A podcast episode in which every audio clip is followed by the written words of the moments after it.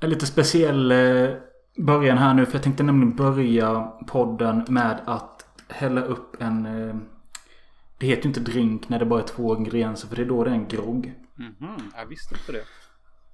Eh, och det här är en speciell vodka som heter så mycket som Subrovka vodka.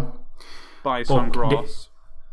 Ja, och det som inte syns för dig här genom kameran kanske är att eh, Det är att eh, i den här flaskan så är det ett långt grässtrå som bisonoxar har gått på. Eh, som ger eh, vodkan smak. Alltså de typ så har gått på det i åratal och sen så tar de ett sånt grässtrå och lägger ner i vodka så smaksätter det vodkan. Okej.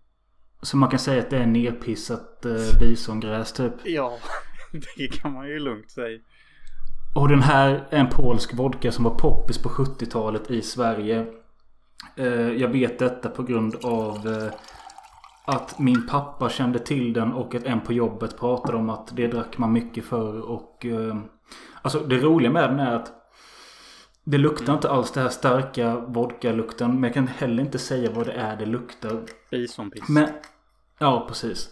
Men så läste jag en massa kommentarer och då skrev alla att man måste blanda det, eller man ska helst blanda det med eh, äppeljuice. För då smakar det som flytande äppelpaj.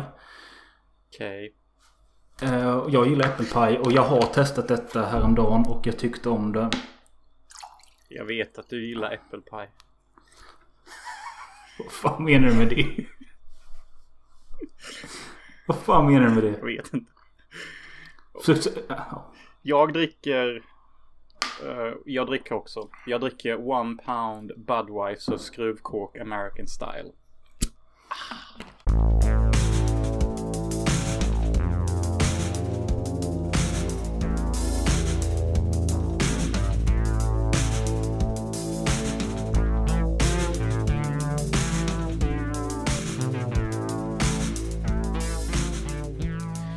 Ja, hej och välkomna till Filmosofi Podcast. Detta är inte en alkoholistpodd. Där vi pratar om olika spritsorter. Utan det är två... Det där är ju charmigt. Thank you bra. Ja. Thank you bra. Eh, Det handlar om eh, två dekadenta filmintresserade typer. Varav en är i en relation och varav en är nybliven singel. Eh, XOXO eh, Beverly Hills 91210. Eh, ja. Och det är jag då, Robin Möller, som bor i en liten håla kallad Hyltebruk. Och eh, Jonas i London, Canary Wharf. Exakt. Det största finansdistriktet efter Wall Street i världen. Ja. Och Och då kan man ju fråga så här. Är du, eh, är du inne på stocks fortfarande? yes, box I am. Men due to some really fucking poor stock choices and some really questionable life decisions har jag har jag hamnat lite i gröten och jobbar gör pokeballs för typ 100 kronor i timmen. Så jag har inte redan kunnat spela på aktier på två månader. Men på fredag ska jag ta det upp det igen. Det här pokerstället. Eh, har de bara en typ av skift eller? Typ. Du, du kan typ jobba, alltså de öppnar ju inte affären tills klockan 11 och de stänger klockan 9. Och så är det varje dag. okej. Och eh, du kan börja tidigast klockan 8.30 för att koka ris och allt det där äckliga. Och du kan jobba så länge som till 10 typ. För jag tänkte eh, nattarbete är ju alltid bättre betalt och du trivs ju uppe på natten. Eh, Problemet med det kanske är att du kommer ju aldrig få någon free time till dina... eh, till ditt manusskrivande och sånt. Manusskrivande funkar bäst på natten. Jag kör eh, alla Quentin Tarantino-style. Som brewskis, som joints, som music, up all night. Just write some papers. Och nu när vi ändå kom in på det, ja, jag är inte bara dekadent nybliven singel som hatar sitt liv. Jag håller också på att skriva ett filmmanus och eh, jagar skådespeleri och filmregissörskapande i London. Det finns en anledning till varför jag bor här och inte är i Hyltebruk. Hade jag inte haft de här ambitionerna hade jag jättegärna stannat kvar i Hyltebruk, blivit full hos den deprimerade pissbagaren, pissbagaren? Pizzabagaren varje dag. Ja, eh, synd dock att han blev av med sina rättigheter så det finns ju fan ingen bira där. Det var ju alltid det bästa. En Falkonst kall. Men eh, jag tror till och med att eh, om du tänker efter så fanns det inte ens när du bodde här. För att han blev typ av med det för fem år sedan. Och jag, det var något snack om att det var för att den sålde mer öl i proportion till pizza. Och det är inte så jävla konstigt när vissa eh, alkiskingar som vi känner till men som vi inte behöver nämna vid namn. Jag har ju, fick ett kvitto av han en gång. Eller han hade lämnat ett kvitto där. Där det var exakt 20 stycken stor stark 50 centiliter. Det är 10 liter starköl. Helvete. Jag kommer till och med ihåg. Jag har bilden någonstans fortfarande på datorn tror jag. Det kostar 1100. Fy fan. Jag tycker det är så sjukt. För dricker man den mängden i vatten så hade man faktiskt dött. Ja. Men med öl, för att det är så jävla vätskedrivande, så funkar det. Ja, men det var något som var så extra cleant med det eh, kvittot liksom. Att det var exakt 20, summan var jämn. Alltså ja, vilken jävla dag han måste ha haft. Alkiskingen är i uh, synchronicity med sitt liv. Ja. När allt blir så jämnt. Det finns många alkiskingar i Hyltebruk. Här i London är det mest fylla och spya och, och sånt. Det är ganska, ganska rå stämning här. Jag tror du skulle bli chockad om du kom hit någon helg. Vi skulle kunna komma in lite på spya om ett tag. För jag har nämligen en egen anekdot kring det. Eh, Men vad säger du om att vi först bara sparkar igång den här podden med att kolla på den nya Jackass-trailern som släpptes idag? Kanske är chockerande för lyssnarna som lyssnar nu. Ni kanske inte ens visste att en Jackass-trailer kommit ut och det kommer en ny Jackass-film. Jag visste inte ens om detta förrän igår. Nej. Eh, Jag har vetat om det ett tag. Enbart för att jag följer vissa av de här killarna på Instagram. Och det har postats i ett år. Ja, Först hade det varit snack om det i fyra, fem år om att det kanske ska bli. Men så är det vissa som inte har velat. Och sen nu blev det av. Och nu idag för några timmar sedan, typ fem timmar sedan så släpptes trailern. Jag har inte sett den. Men det var nära att den gick igång på Instagram. Men jag hann inte se någonting. Gött. Eh, Är det Jackass Forever trailer hashtag one 22 000 views three hours ago? Vi, vi har ju också ett Patreon-konto kallat Filmosfi Podcast Patreon och där går vi in lite mer djupgående om vad skådespelarna har gjort. Bland annat Steve och, och fan och hans moster Ja. och Och bland annat då att Bam eh, inte är med i den här nya för att han har svikit Paramount. Han fick ett kontrakt med Paramount att du måste gå på rehab. Du får inte dricka eller knarka under inspelningen. Och det bröt han efter tre dagar eller något sånt. ändå starkt att han klarade tre dagar. Man känner ju Bam liksom. Ja. Men eh, hur som helst. Eh, det ska bli kul att se den här trailern för att eh, Alltså det var ju ganska länge sedan man såg ett avsnitt eller såg någon av filmerna. Och det ska bli intressant att se hur de här 50-åriga männen... Om, eh, kommer det se rad ut eller kommer det se töntigt ut? Ja, vi får se. Ska vi hit the play? Yes. Shit, börjar nostalgiskt med Gamla klipp från typ första filmen eller något. Don't know when, but I know You got together with old friends. meet again some sunny day. Hello, I'm Johnny Knoxville. Damn grey hair. Three, two, one. Okej, det där är rätt coolt. rätt fett. A lot of people ask, what will Jackass be like once we're older? Well, it'll get more mature. The faster you pedal your bike, the faster the other guy's hand goes back. You said it wasn't gonna feel like anything. Concussions aren't great, but as long as you have them before you're 50, it's cool. And Knoxville's 49, so we're good. Aj. Ah!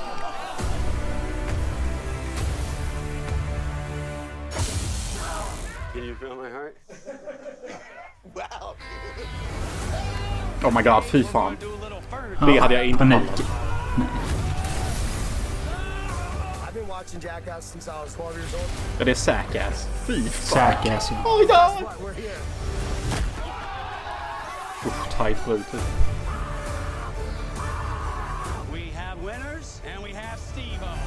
It ain't a bunch of NASA scientists right mister. What did you guys do to Eric? Fail to prepare, prepare to fail.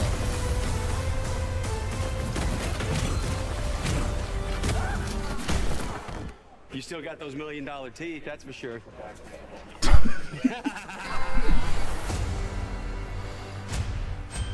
Gee, didn't set myself up for failure on this one. Aaron, please relax. I'm trapped. And you're putting honey on me. What and the fuck? Salmon? No. Oh no. No way. No way. No fucking way. Ja, det där slutet var rätt sjukt. Wow. Det var typ det enda som chockade sönder mig. Ja, alltså det, det jag känner så här direkt är att eh, det, det här skulle lika gärna kunna varit trailern för... Alltså, Leftovers från Jacka- Jackass 3 lite. Ja, lite så. Alltså, jag säger inte att det är sämre innehåll eller bättre innehåll. Men det känns som att den skulle... Alltså med tanke på hur den såg ut och hur innehållet var. Så känns det som att den skulle kunna kommit 2010. Ja. Och, och det vi reagerade på i slutet var att... Var det Partyboy eller vem fan var det? Nej, det är han Danger Aaron McGeeky eller vad han heter. Danger Air McGeeky. De, de, de klistrade fast honom i en stol som såg ut som en avrättningsstol. Jag tänkte först, ska de experimentera med ett stunt där de provar att halvt avrätta någon i elektriska stolen? Sen så pourar de honung på honom och salmon, alltså lax. Lax. I, I ett rum så han sitter helt fast. Och sen så öppnar de dörren och så kommer en fucking svartbjörn in. Jag bara what the fucking fuck. Det första jag tänkte när de hällde honungen var att de skulle släppa in bin. Och det hade också varit fruktansvärt. Men En, en svartbjörn är ju lite Ja. mer tungt. Alltså det är ju det sjukaste stundet jag har sett. Såg hans fucking ögon? Ja, Visste han de att det inte skulle hända? Nej, det är, det är rätt roligt med det här. Just han Aaron. För han... Jag såg en intervju han gjorde med Steve och i Stevos podd. Så han har en filmad podd på YouTube jag kan rekommendera. Eh, han Aaron sa att... Eh, jag tyckte inte det var så kul de sista två Jackass-filmerna. För att ni var alltid på mig så jävla mycket. Och jag pallar liksom inte. Jag har typ inte fått den recognition jag förtjänar. Alltså liksom. Han har gjort rätt sjuka grejer. Vet, de drog ut hans tand med en Lamborghini. Rätt coolt. Och eh, du vet det här när de gör det här fejkade terroristattentatet när de lurar han. Ja, jag vet. När de lurar han i taxi. Alltså han har varit ja, Ja, det är kul som alltså han har varit med mycket skit. Så men han var typ ledsen för att han tycker att speciellt kanske Bam om det lät rätt på honom att han har varit för taskig mot honom även off cam. Och liksom är det framför cam kan han förstå det. Men när det var off cam så var det inte kul längre. Ja, jag förstår det. Sen så, sen så var det också något sjukt stund med, med två feta spindlar i någon slags mask. Jag, jag vet inte ens hur jag ska förklara det här. Ja men tänk dig två typ... Eh, vad, vad kallar man det? Sådana dykarhjälmar fast med ett rör emellan munnarna. Och i det röret gick det en spindel. Och jag fattar inte om man ska blåsa den till den andra eller vad fan man ska Det är göra. ändå jävligt stört. Men, men jag, Ja. jag, jag tycker det stördaste jag sett i Jackass, det, det är när de lurar Bam in i en slags truck. Och sen, Ja det är Snake ja, och, så, och så kör de ner en, en slags port så inte han kan komma ut. Och så kastar de typ in en kobra. Det är så hårt. Men alltså med tanke på vad man har hört vad Bam, vad han har gjort off cam och att han alltid är så svinig mot sina vänner. Lite förtjänat kanske. Ja jag tror det med. För att han är så jävla van vid att fucka med andra. Ja, och så de, de bara tänker nu ska vi göra det hårdaste av hårdaste som en pure vengeance. Fucking killen börjar ju gråta typ. Men det, det jag känner att det som är jävligt roligt fortfarande och kommer troligtvis alltid vara. Det är de här pranksen. Vi såg det här till exempel. De har satt upp någon jävla vägg som såg ut som verkligheten. Någon cyklade rätt in i den. Ja, det, det, det såg rätt kul ut. Eller du vet sån här som de hade i Jackass 3 med den här eh, texten de läste på väggen och flög ut en hand. Ja, det är också rätt kul. Jag, jag är ju lite old school och tycker fortfarande det roligaste är att se när Bam Margera spör upp sin fossa i night vision. När han ligger och sover. Gee Bam, come on Bam. Stop it Bam. What's wrong with you Bam? Maybe you... Och det, det, jag vet att jag nämnde i podden innan med men när Bam var med på typ Celebrity Rehab eller någon liknande serie typ förra året. Då sa ju psykologen till Phil då, alltså pappan att det är lite tack vare dig. Det är ditt fel Phil att Bam har blivit som han blev. För att du har aldrig rut, rutit ifrån. Eller du har bara låtit honom göra vad fan han vill hela livet. Ja, och, ja det, det var väl kanske både en hit och miss. Ehm, det var väl en hit till en början för att han blev ju internationellt känd och... Men nu, nu, nu får han inte ens vara med i sin egna skapelse. Nej. How the tables have turned typ. Jesus Men Christ. hur som helst. Fan vad kul det hade varit om vi eh, hade sett Jackass Forever tillsammans. Kanske till och med göra det som ett... Alltså fan det är rätt sjukt ändå. Nej det blir inte... Jo det kanske blir 10 years anniversary från när trean gick på bio och du och Alex gick. Mm. Om vi tre skulle gå Det igen. vore fett tungt. Men i Sweden eller i London. Ja, det vet jag inte. Jag tror filmen kommer i september eller oktober. Ja, Okej. Ja, ja, men det kan vi ta då typ. Det kan Men det hade varit fett kul. ha lätt som en fet hora. Och vet du vad? Vet, nej, vet du? Varför det hade varit bättre i Sverige? för, för, för att det är mer nära för dig. Ja, delvis det. Men också för att eh, stället vi gick till oftast innan och Alltså när vi söp efter skolan i gymnasiet. Det var ju The Corner typ. Ja. Och The Corner har länge hetat andra grejer. Typ Penny Lane, Heaven and Hell. Men nu har de bytt tillbaka till The Corner igen. Okej. eh, The Corner är helt klart det bästa namnet och jag, jag kan acceptera detta som ett argument. Jag, jag tycker det är fair. För vad fan ska man kalla det Heaven and Hell? Det är på The Corner. Just fucking call it The Corner. Anledningen till att det hette Heaven and Hell var för att det, det hade ju en, eh, en källare där det var dansgolv. Mm. Alla on Det var det-. Du, du, du. Jag älskar det bara suga in all vattenångarrök och bli helt CP. Och det var, vem fan var det som hade varit där nyligen? Det var någon polare, om det var grannen eller något. Och han sa att den mögellukten som var där nere var inte att leka med. Och jag kommer ihåg det redan från tio år sedan. Man var där det luktade typ pissoar och mögelrunk. Det var väl någon jäkel som gick och drog en stril i hörnet emellanåt. Jag vet inte. Vi, vi har ju faktiskt en polare som har bajsat i en pissoar. Wow. Impressive. Most impressive. Ja, och någon gång i Patreon-podden så ska vi berätta vad du och grannen gjorde i en pissoar. Men jag måste fråga. På The Corner nu som det heter igen. Är ölen fortfarande 20 kronor styck? Ja, det ska den tydligen vara. Så den har, 20, eller- 20 eller det har 25. inte påverkats alls av inflation de senaste 10 åren? Nej, inte direkt. Alltså, men det, de kör ju ofta det här att det är typ happy hour mellan 9 till klockan 1 på kvällen. Eh, och då är då ölen kostar 20 spänn och cider kostar väl 30 eller vad fan det är. Och det är ju asnice. Det är rätt jävla sweet ass deal. Du behöver typ bara jobba två timmar på ett vanligt jobb och du har en uh, gedigen fylla. Ja, och tänk då på oss back in the day som drack fem Elk Pro innan viktigt. Mhm. Mhm. Ah yeah. Ah yeah. Vet du vad jag har i kylskåpen? Två Elk Pro. vad ska jag ha den Elpro? Jag har Budweiser.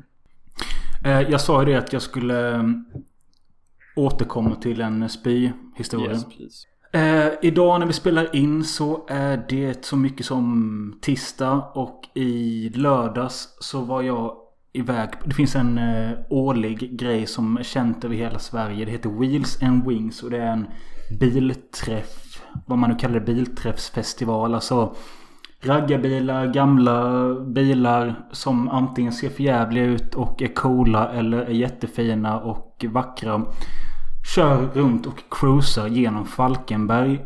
Och eh, varenda bil spelar tung musik och de är liksom sju pers i varje bil. Och det är Eddie Meduza och det är snus och det är brännvin och det är rätt god stämning. Det låter som den här Volvo-dokumentären typ. Men, ja men de är ju på sådana Mm. De är ju på sådana. Ja Riktigt precis. tungt. Du lever Eh. fucking Ultima... Ultimate Svemne-life typ. Jag tror du skulle säga att du lever fan Ultima Jag Thule. höll- höll nästan på att säga. Men eh, eh, jag, min tjej och hennes brorsa. Hennes brorsa var nykter och körde. Vi eh, åkte dit. Och vi åkte inte runt i en bil. Eh, för att man åker ju inte runt i en vanlig jävla bil. För då blir du fan mobbad. Typ som en fucking Citroën och en BMW typ.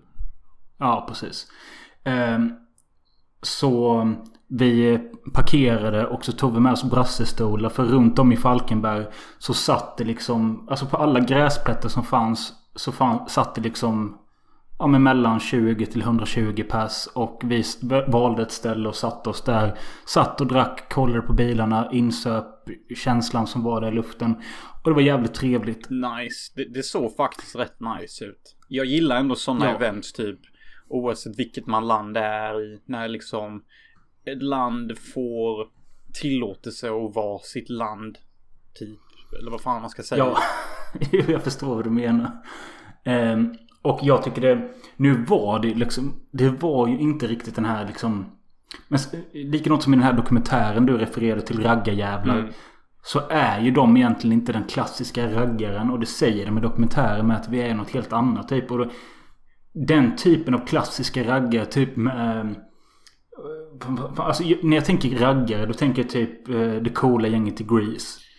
Jag tänker ju mer på Ronny och Ragge. Ja, det, ja precis. Men jag menar, det är ju inte den typen som är det längre. Utan nu, nu är det liksom... De äldre kör runt i fin, fina bilar. Typ Cadillac och sånt. 59. Såg du en Cadillac 59? Precis. Så är säkert, men jag är så dålig på sånt. Men sen de yngre åker runt i såna här dyra men ändå... Eller risiga men ändå typ coola vrak till bilar. Eh, och dunkar plåt och har liksom 2000 decibel som bara spränger ut genom rutorna. Och... Eh, Ja men hur som helst det jag vill komma till var att det var en jättetrevlig stämning. Eh, de första 3-4 timmarna på kvällen.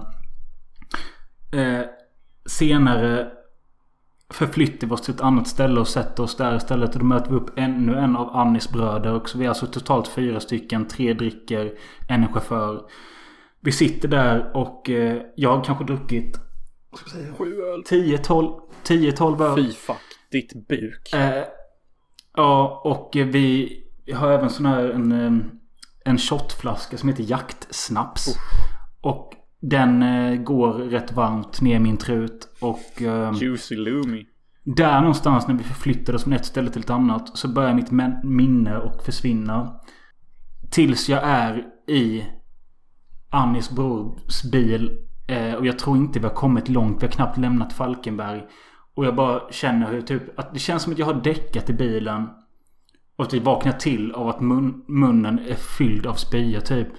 Så jag bara skriker typ måste spy. Och han hinner inte köra in direkt. Så jag liksom spyr i bilen och över mig själv innan jag typ trillar ut bilen. Bro, du har fan tjej. Sånt, Hon var med. Sånt, sånt här lägger man av med när man har bruk. Så här blev det då liksom. Jag trillar ut där och eh, har tydligen då spytt lite på mina byxor, mina skor, mitt skärp och min t-shirt. Eh, jag ligger i något jävla dike och spyr. Folk åker förbi i sina raggarbilar bara Kolla han spyr! Tutar på mig typ. Det kommer jag inte ihåg. Det har jag fått återberättat. Tjena. Eh, jag eh, reser mig upp igen och eh, går in i bilen. Eh, då säger min tjej att du kan inte sitta med den nedspydda tröjan här inne. Du får ta av den och sitta utan t-shirt. Och då tror jag att i mitt undermedvetna att jag börjar tänka på min äckliga buk. Så jag... Du blir alltså självmedveten i mitt att Ja. detta drägeri. Till er som kanske lyssnar första gången nu, eller till er som inte redan vet. Mölle har the book of doom. Alltså det är inte så att jag är sackass. Men... Det är inte så att han är Fat Mamas House 4. Han, han, han ser smal och tanig ut. Men en buk, det har han. Han är fucking Eggbat. Och jag, Falu menar Ja, du? Falu också. Eggbat och Falu. Häromkvällen så bad Jonas mig skicka en bild på min buk i profil. Och jag slappnade av helt och skickade. Och Jonas bara skrev typ I can't stop Nej, laughing. jag skrattade typ i sju minuter. Jag, jag, jag, jag vet inte varför jag tycker det är så kul att du har typ en riktig jävla prego belly. För att du får inte fett på ansiktet, armar, ben eller röv eller fötter som andra normala människor får. Allt går till din buk. Det är liksom så här koncentrerat fett som bara hamnar på magen. För liksom kollar jag på dig nu, bara ditt face. Du, du ser ut som en, liksom en fitt, normal 27-åring typ. Men om du skulle ställa dig upp i profil och ta av dig tröjan. Wow. First pregnant man. Men du vet, vi har ju en liten följetong om min vikt här. Och vi ska inte ta vikten denna gången, vi tar det nästa. Men det jag säger är att den här bilden som jag skickade till dig. Den kan jag tänka mig lägga ut överallt när vi har en efterbild. Men inte som det ser ut nu. Får vi fem patrons efter denna podden, då lägger du ut den. Ja, det Okej, jag. får vi fem patrons inom två dagar efter denna podden är ute. Då kommer Mölle lägga ut en profilbild på sin helt alltså, jag, jag kan inte ens beskriva det med ord. Det är typ vackert men ändå helt något vackert. Alltså det är, det är som att se en cheeseburger typ i, i Sahara typ. Du vill äta det men du vet, nej jag kan inte ens beskriva det. Det är en buk av doom. Tillbaka till historien i bilen. Jag sitter där och eh, blir jävligt förbannad för att... Du måste visa eh, buken och du vill inte. Ja, precis. Till slut tar jag av mig t-shirten, öppnar dörren och slänger ut min nya... Det var en ny t-shirt också förresten. En, eh, slänger ut den i diket. Eh, min tjej får gå och hämta den för att jag bara är allmänt CP. Hennes bror säger till mig du behöver inte vara otrevlig när vi bara försöker hjälpa dig. Och jag bara nej det behöver jag inte. Men nu är jag det tydligen. Oh my god. Alltså, bro. Och sen åker Sen kommer inte jag ihåg något mer men sen åker de tydligen till en bensinmack. Och får tvätta av lite i bilen. Alltså det var inte mycket i bilen men det lilla fick de eh, tvätta av. Shit. Därefter eh, minns jag ingenting förrän vi kommer hem hit på kvällen. Och jag är så CP alltså. För då, då, då min tjej är trött och antagligen less på mig. Förståeligt. Eh, jag säger förlåt eh, men det var bara en spya. Skit i det typ. Hon går och lägger sig. Jag går och tar en öl och häller upp en drink. En och, bisonvodka. En bisonvodka. och jag sätter mig och eh, vad fan var det jag tittade på då? Jo, jag satte igång filmen The Battery. Och jag skriver ett långt fyllemeddelande till dig på Facebook att Kom tillbaka till Sverige, vi ska göra film, du ska se The Battery. Eh, för det är du och jag mannen, kom igen. Och det här har du inte läst än. Nej, men jag har inte Facebook på min telefon. Och jag skriver också, det börjar, mitt meddelande till dig börjar så här typ eh, Bro, jag fuckat upp allt, jag spytt sönder en bil, fuck my life typ. Ah man, I've been there, I've been there. Men din tjej är fan mycket snällare än vad min tjej var. Eller mer tolerant kanske jag ska säga.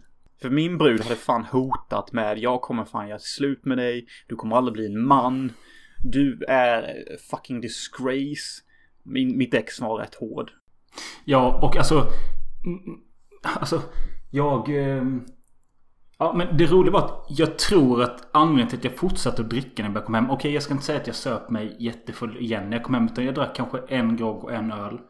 Men att jag tror jag också insåg vilken ångest jag hade. För jag skrev även till hennes bror att Förlåt för allt. Jag vill inte göra någon illa. Jag vill inte spy någons bil. Jag vill bara att ni ska tycka om mig. Mm. Samtidigt som jag skrev i våran gruppchatt vi har haft i tio år med alla våra gamla hyltevänner. Ja, yeah. Svin Ja. med känslor. Klassisk. Ja. Där skrev jag så här bara. Okej, jag har en bra idé här. Jag fyller 30 i februari. Då vill jag att ni alla ska roasta mig så hårt ni kan. Vilket svin och sämst jag är. Lätt! Lätt! Världens bästa idé. Och så har jag skrivit så bara. Det ska filmas och sen på slutet ska jag göra min hämnd mot er. Jag ska knulla er alla. Så in, fast ni ska knulla mig först. Och alltså när jag läser de här texterna. Alltså dagen efter när jag vaknar. Jag bara what the fuck har jag skrivit? Eh, likadant.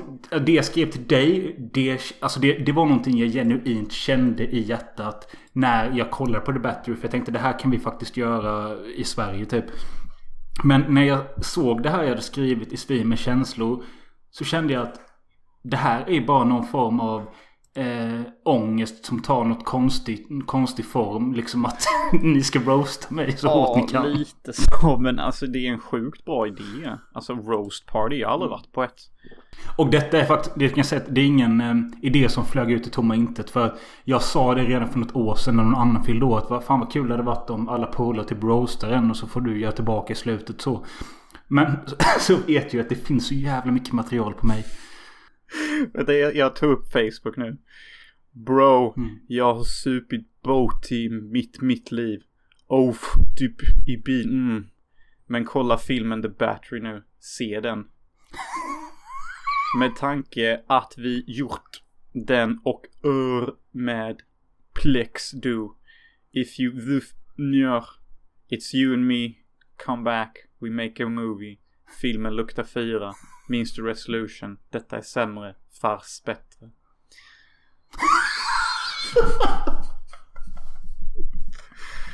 Ve- Detta är sämre för very fucking sweet. Ja, du sa faktiskt det. That makes no fucking sense.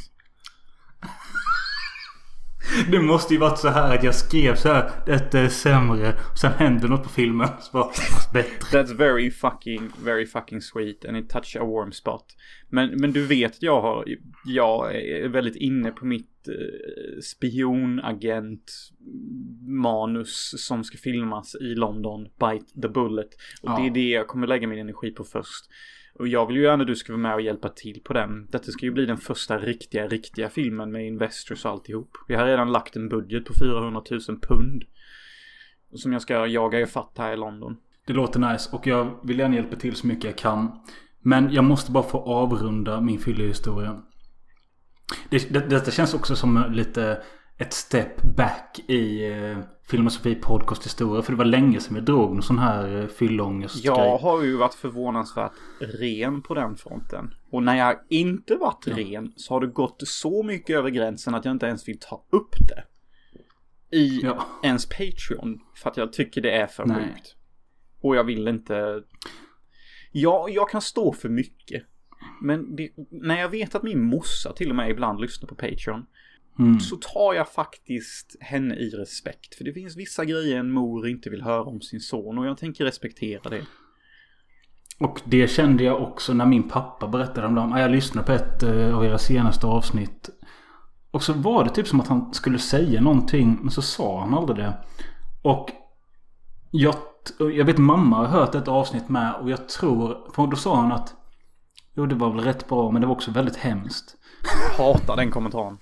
Ja, men vad fan. Ja, men, vet, men jag tror att de kanske tycker, om, om de lyssnar på detta nu, hej mamma och pappa och hej Pia och Hansen och Alltså, så här, det kanske är jobbigt för er att höra liksom att vi har supit och trillat omkull eller liksom att vi säger att vi vill ha pengar för att prata om hur vi blir av med oskulden. Jag vill inte veta hur min mamma eller pappa blir av med oskulden och jag tror inte en förälder vill jag veta. måste stoppa det lite här. För det första, våra föräldrar är boomers. De kommer från boomer-generationen. They have no fucking clue hur det är att vara ett millennium kid. Vi föddes in i en ny tid av helt sjuka människor och helt sjuka circumstances. Inte nog med att vår lön är helt fucking kapad jämfört med hur de hade det. De tjänade typ tre gånger så mycket mer än oss. Kunde köpa hus och ha familj innan de ens fyllde 25. Skulle någon av oss göra det? Det vore ju för fan till att förstöra hela våra liv typ. Jo, jag, men, men jag menar också att eh, man kan ju också eh, nå fame, nå poddstatus, nå utan att behöva fläka ut hur det var när man knullade första gången. Nu är det det vi har gjort och det ska vi göra. Men jag menar som förälder så hade inte jag... Nu har jag inget barn men jag tänker i mitt huvud att om jag nu får en dotter så ska hon fan vara oskuld rest, hela Håller livet. med, Nej, jag skojar bara. Nej, men jag vill liksom inte veta. Vad ska din dotter heta? Oj. Eh, bison. Nej, jag vet. Nej, jag vet. Men det jag vill komma till var att skit i att våra föräldrar lyssnar lite nu. För att egentligen borde vi göra en sån här disclaimer i början. Är du förälder eller familj? Stay Detta away, är inte en typ. familjepodd. Detta är jag är singel och jag vet inte riktigt vad jag gör med mitt liv och jag är jävligt intresserad av film och fyller och drugs slash maybe not drugs slash crazy lifestyle slash maybe not so crazy just very weird lifestyle Ja. slash movies slash something. På tal om slash. Vi har ju faktiskt. Detta får vara en avrundningspodd för slash. Exactly Mondo.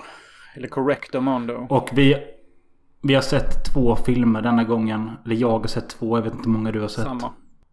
Ja. Ska vi börja med den klassiska som egentligen vi ska säga redan nu. Vi har gått igenom så mycket skit. Eh, Eller så mycket skit. Men förra avsnittet var ju verkligen en dive into Jag minns när vi typ. hade vår slasherpodd eh, tradition år två eller någonting och jag var helt knäckt över hur mycket skit vi såg. Vet du vad det avsnittet heter? Året då slashen Ja, dog men lite så. Och det, det är jobbigt med slasher för att det, det är... Alla de kända filmerna tänker man, ja men de här filmerna är helt okej. Fredagsserien, Nightmare on Elm Street, Chucky, kanske till och med The Burning. Alltså, de är helt okej och inte jättebra, men de är typ ganska jävla okej. Men om man nu ska börja leta vad som finns mer efter det. Wow, wow, wow, wow, wow. Men vi behöver inte tjata om det mer för det jag vill säga var att vi fick ju ändå en liten liten, liten uppsving eller tro på slasherfilmer förra året då när vi gjorde de här late 80 slasher med Eric's Revenge, Phantom of the Mall och Cheerleader Mass... Nej, Cheerleader De var Camp jävligt och... bra, vad fan. fan erkänna. De var fan riktigt bra. Men det är det, det, är det jag menar. att Man glömmer lätt av de bra när man gått igenom så mycket skit. Ja, man tappar helt tro i genren totalt. Och man undrar vad fan de här regissörerna tänkte typ. Alltså hur svårt kan det vara att bara göra ett bra mod eller bara ha någon halvintressant karaktär? Jag, jag, jag, jag, jag begriper inte ibland.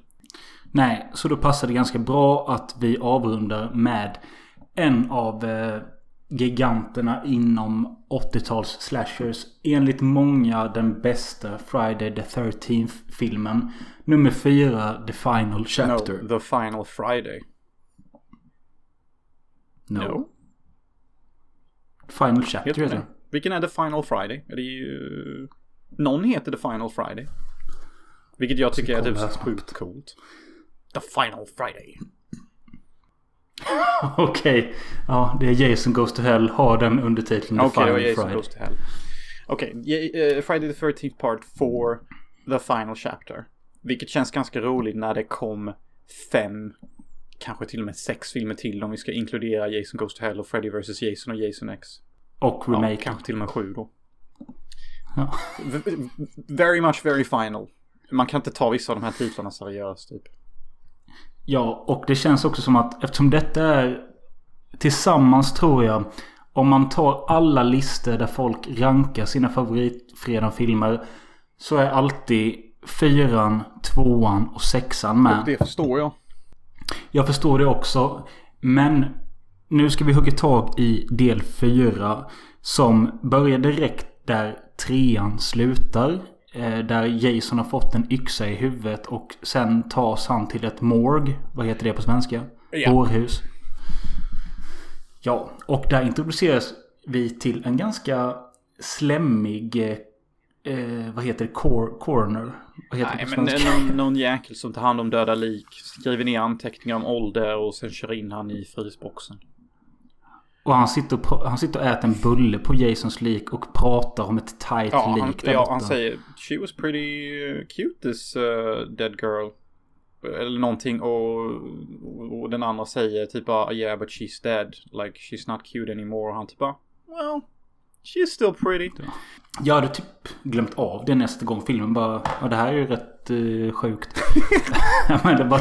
Jag älskar också sen senare typ efter han kör in liket då att han går typ titta på uh, aerobics, Aerobics. och typ bara Oh hi girls.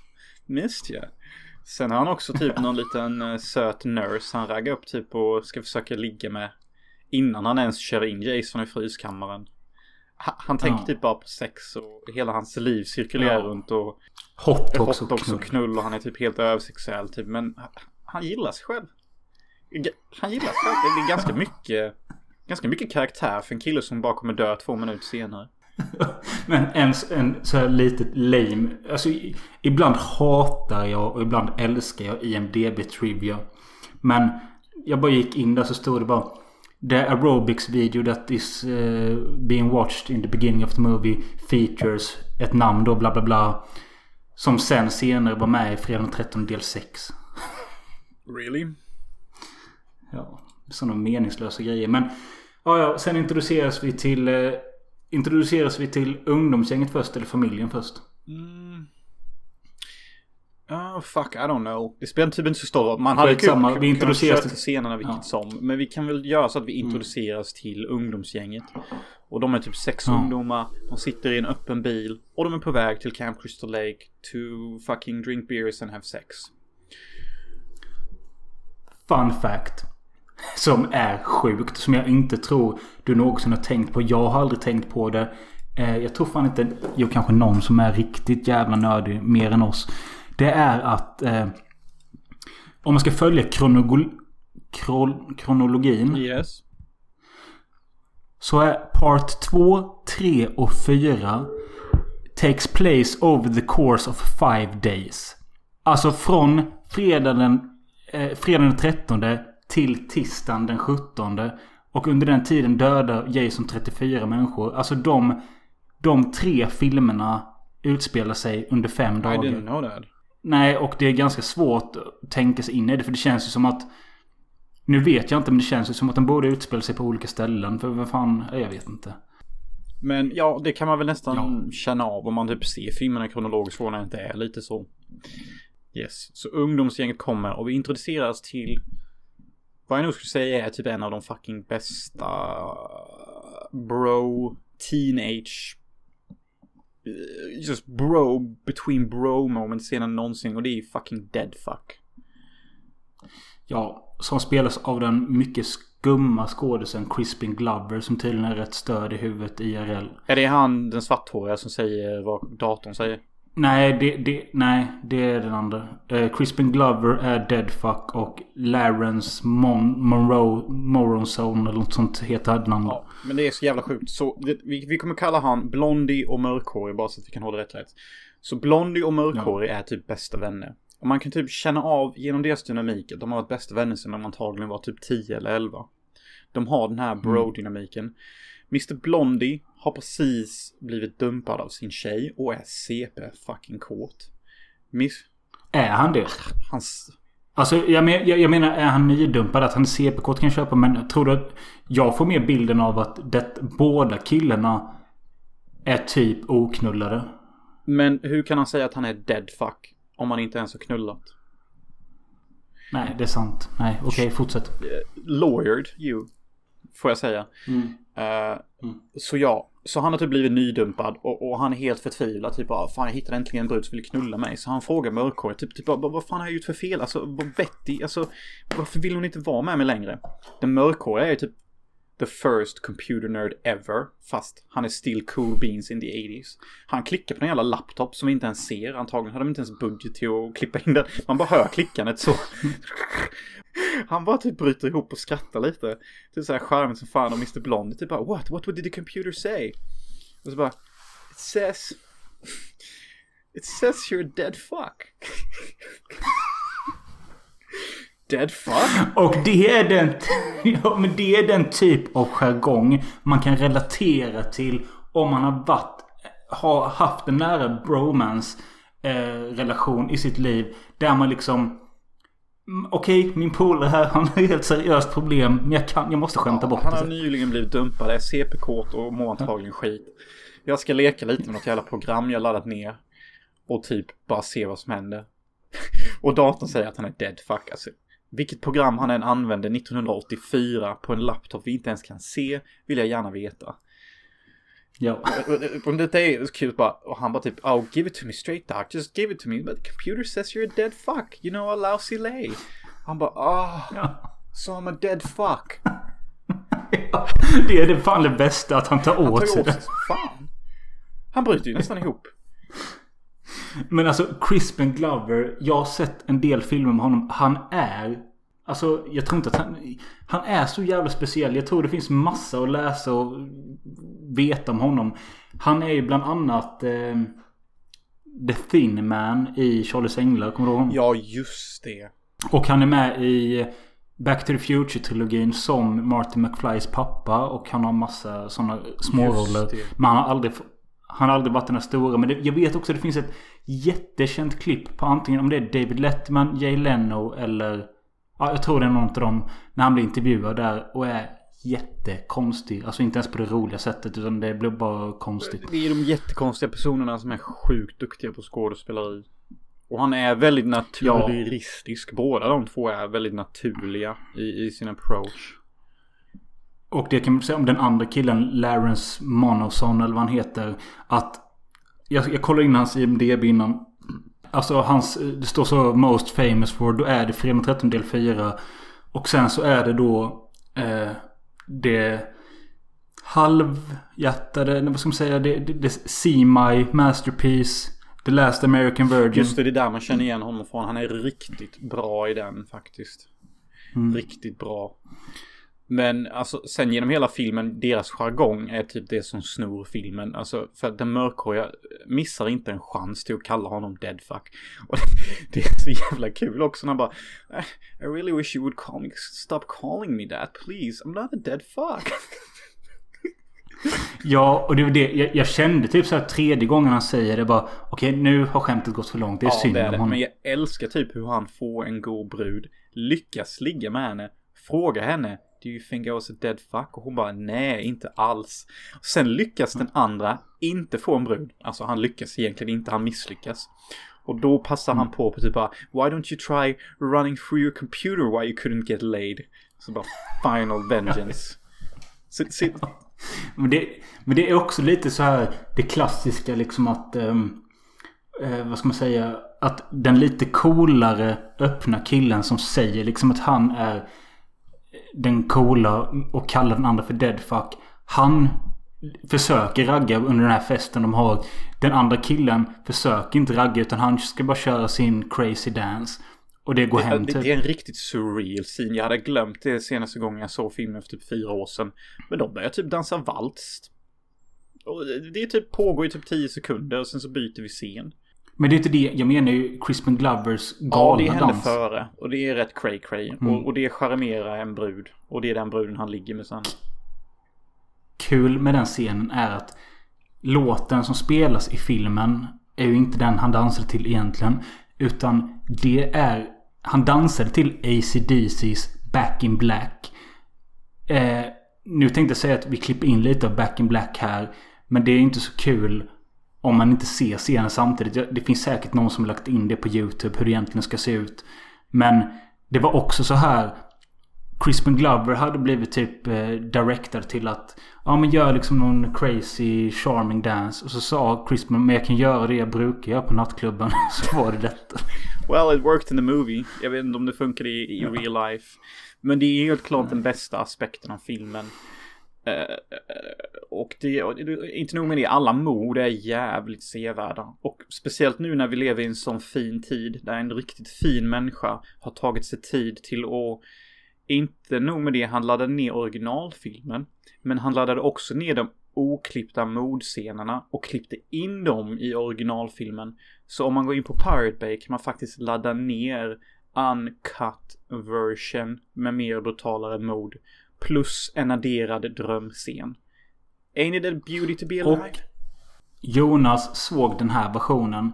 Jag såg den vanliga klassiska versionen. Men innan vi började spela in här idag och jag satt och väntade på för att öppna min eh, vodka. Så satt jag och kollade på YouTube så sökte jag Friday the 14th Final Chapter Uncut Kills. Och då fick jag fram en eh, comparison video där de, man fick se hur det ser ut i den vanliga versionen och hur det ser ut oklippt. Och jag såg hela den här videon. Och det jag kan säga är att den största skillnaden är, att morden pågår lite längre. Men jag kan också säga det att när man ser allting eh, efter varandra så är det vissa i den eh, vad ska man säga the- theatrical cut versionen är bättre. Jaså? Ja, Alltså jag säger inte att jag vill ju ha jag vill ju ha den amount of gore Som var tänkt från regissören och Tom Savini och alla som var inblandade. Just det, det är Tom Savini som gjorde effekterna. Men Alltså om du, om du kollar på detta klippet där de kör båda efter varandra. Så ser, känner man att pacen på eh, de oklippta bilderna är jättekonstig. Speciellt på klippet på hon som blir mördad när hon ligger i en Mm. gummibåt. Det pågår jättelänge. Ja, jag föredrar de lite mer utdragna morden och lite mer brutalare morden. Och vi, vi ska inte ens gå in på vad fan de gjorde med fredagen den 13 del 7. Nej, jag, jag kan inte ens... Alltså vad den här killen gjorde med fredagen den 13 del 4 ska jag göra med fredagen den 13 del 7. Jag ska vara den heliga killen som räddar fredagen den 13 del 7. Fredagen den 13 del 7 är min favorit. Men jag hatar att se filmjävlen för att morden är så jävla brutalt nedklippta. Det, det jag vill säga om klippen i fjärde filmen det är att eh, Det som var bättre oklippt var mordet på Deadfuck när han får korkskruven i handen och sen köttad. In the face. Det var... Ja. With a... Det var bättre. Och sen så det finns något visst charmigt i eh, när Jason blir mördad. Eh, när han glider ner sakta för macheten genom ansiktet. Men i den här oklippta versionen så går det lite snabbare. Men det känns fan så mycket slafsigare. Bara för att det går snabbare. Nej, men för att det är längre bilder och det är Se, mycket det är det jag menar. blod. Typ, liksom, man kollar ju på de här filmerna får typ få en slags chock när man ser slafset och att det pågår. Alltså blod har en naturlig reaktion på människor. Alltså när man ser blod blir man naturligt hög. Alltså det är därför de här scenerna är långa. För att de ska frambringa de här effekterna. Så när ett gäng präster Men har kuttat ner det här så är det ju fucking hemskt. Men är det verkligen därför vi ser de här filmerna fortfarande 30 år senare? Är det inte för att det inte finns någonting i, i våran nutid som är likadant? Alltså det finns liksom... Kommer det en modern slasher så får inte den samma mysiga stämning. Den får inte samma sköna lines. Den får inte samma sköna karaktärer. Den får inte Tom Savinis effekter. Utan den får liksom något CGI-helvete och... Eh, Alltså jag kommer ihåg, vi gjorde, det finns en livestream. Jag tror den ligger ute antingen på Patreon eller på YouTube. När vi, när vi ser Fredag den 13 remaken typ för tre år sedan. Och hur mycket vi hatar på den. Den är inte bra. Men alltså, alltså- jag säger inte... Ja, kör. Det, det, de killarna och tjejerna som gjorde de filmerna, de var barn av sin tid. Alltså 80-talet var en mysigare tid. Du hade inte iPhones och internet och telefon utan man gjorde mer sådana här grejer. Och det, det, det, det kändes mer coolt med en mördare i mask som mördade tonåringar typ. Alltså, nu för tiden är alla liksom twerk, twerk, snapchat, snapchat. Alltså, it's not the fucking same anymore. Nej men det, det enda jag tog upp detta för det var för att du sa att man ser de här filmerna för att man vill ha blodchocken. Och jag håller inte med om det. Visst vill man ha cool, Visst, man vill ha coola mod och man vill ha en... eh, Man vill vara... Jo, man vill ha bra mod. Men det är inte helheten av en Nej, sån här jag, film. jag tar tillbaka lite vad jag sa. Det är inte främsta anledningen. Men om ett mord existerar i en film, då vill jag se mycket blod. Jag vill gärna bli lite chockad och jag vill också bli lite hög. Får jag inte det i ett mord, då är det ett misslyckat mord. Främsta anledningen till varför jag ser de här filmerna är på grund av den mysiga stämningen. Jag älskar tonårsstämningen mellan skådespelarna. Det är alltid någonting som typ genuint alltid funkar i alla Fredan-filmer. Låt oss gå vidare till familjen. Ja, och detta är också en av anledningarna till varför Fredag 13 del 4 är typ den mest kända. Och ganska unik Ja. egentligen. För att det är en familj som hyr ut grannhuset till de här tonåringarna och det är därför familjen också får vara med. Om det makar lite mer sens nu på grund av det. Uh, familjen spel... Och anledningen till att denna filmen är känd, vad fan heter... Vad fan heter... Corey, Corey Feldman. är med som unge. Och är ni född 92 och typ 93 och innan det vet ni vem det är. Ska vi säga någonting om... Alltså, det är så sjukt. Mellan tre år så gjorde han filmerna i rad nu. Först Friday the 13th Part 4.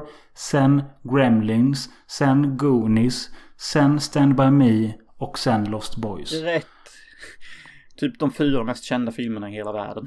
kan man ju också säga det. Fem. Fem. Men eh, det är så sjukt. Under tre år hade han den primen och blev hur stor barnstjärna som helst. och det, det, det Den bästa scenen med Corey Feldman i denna filmen är när, när han kollar genom sitt barnrum på en brud som klär av sig och, och han typ taggar sönder i sängen.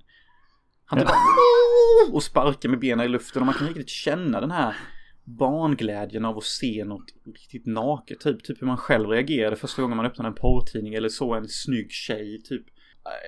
Så... Ja, och bo, bo, både att det är spännande och att han känner att det är förbjudet när han lägger sig ner med huvudet i kudden och Ja, studsar. och, och liksom. så sen när morsan knackar så måste han låtsas sova för att han vet typ att Ja. it's no good typ. Och, och det, är, det är beautiful as fuck. Men hela den här familjen som består av en mamma, en dotter och en son har ganska fin Mm. dynamik. Alltså de kör en jävla sandwich hug och det är liksom... De, de funkar bra ihop den familjen. Corey Feldmans karaktär är också intressant för att han har lite mer personlighet än nästan alla karaktärer som varit med i de här Fredan-filmerna. För att han är också en riktigt jävla bra effektskapare och han bygger egna masker som hade kunnat vara i storfilmer. Så att han är en Ja. riktig så här filmnörd och hade denna karaktären växt upp utan denna traumaupplevelsen av att få sin morsa mördad och hela grannhuset slaktad hade han säkert blivit en, eh, en effekt... Ja, Tom Tom Savini. En Tom Tom Savini. I en riktig film. Så bra karaktärsbygge där, tycker jag. Ja, och han är väl... Ja, han är den största behållningen i familjen om...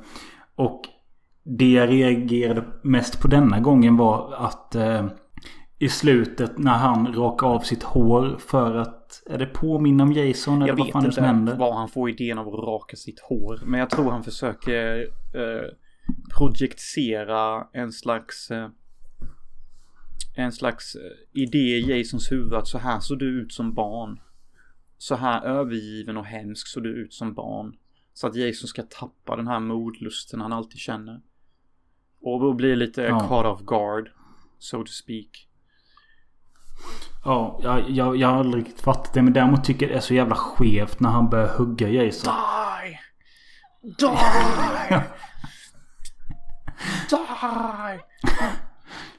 Kul, kul trivia på IMDB. Det var att Corey Feldman tyckte inte om regissören Joseph Zito. Och när han fick hugga på de här sandsäckarna som låg där så tänkte han att det var Joseph Zito. Joseph Zito fick en del skit under den inspelningen. Jag vet att tjejen som låg i eh, gummibåten hade också problem med honom för att han tvingade henne att ligga där alldeles för länge. I kallt vatten. Och sådana här saker lyssnar jag på jävligt mycket när jag hör. För att jag vill inte bli en regissör som folk har sådana här anekdoter om. Alls. Nej. Nej, det, det känns inte så bra att ha det på Nej. sitt CV. Och någonting som jag alltid tycker var sjukt att när jag levde i Los Angeles. Alla människor jag pratade med. Alla sa alltid samma sak om Tarantino. Och det var att Tarantino, he's a fucking hack. Nobody likes him. Ja, Asså? jag vet inte hur många gånger jag hörde det. Typ, Men det är konstigt då att sådana rykten måste ju spridas genom Hollywood. Och varför tar då till exempel då sådana unga up and coming hotties som kan få typ vilken roll som helst. Som Margot Robbie tar rollen som Sharon Tate. Jag tror inte han är nej, så jag svinig tror egentligen. bara att han har blivit väldigt, väldigt stor och väldigt snabb och har en stor fanbase. Och många har problem med det. För att Mm. liksom Leonardo DiCaprio, Brad Pitt, Margot Robbie, Uma Thurman ibland har väldigt mycket fina saker att säga om honom. Jag har en rolig grej om eh, manuset till den här filmen vi pratar om. Och det är att han som skrev det hade först skrivit en scen där Jason tafsar på karaktären Trish bröst eh, ett tag. Och eh, produce, produ, producenterna gillade inte detta och regissören Joseph Zito eh, tyckte inte heller om det. För han sa att det här gör Jason alldeles för mänsklig och mindre hotande. Och därför ströks den ur manus. Men jag, alltså, jag hade själv inte tyckt det passade in heller. Jag är ju alltid för... Ja, Bröst. men här sätter jag också ner foten. Eh, faktiskt. Alltså jag har en, jag har en viss eh, integri- integritet. Alltså ni kanske inte tror det, ni som lyssnar på mig och hör mina filmidéer. Men alltså en karaktär måste vara i karaktär. Du, du, kan, du kan inte bara Ja, bryta precis. karaktär för, för filmens skull. Alltså din karaktär... För någon kåt, eh, för någon kåt Nej, så manusförfattare här är det. skull. En karaktär bestämmer hur filmen ska spelas ut. När du har skapat en karaktär, då är det inte längre du som skapar storyn. Det är karaktärerna. Och det är så Nej. jag tycker man ska tänka. Det känns också lite schizo att eh, skådisen som spelar Jason i den här filmen. Jag har redan glömt hans namn. Men han var 58 år gammal han gjorde Det är den här han berättade också i dokumentären om att han inte spenderade så mycket tid med tonåringarna för att han sa själv det är rätt sjukt om jag ska typ hänga honom och dricka bira med dem mellan tagningarna. Om jag ändå ska gå runt och mörda Ja. dem.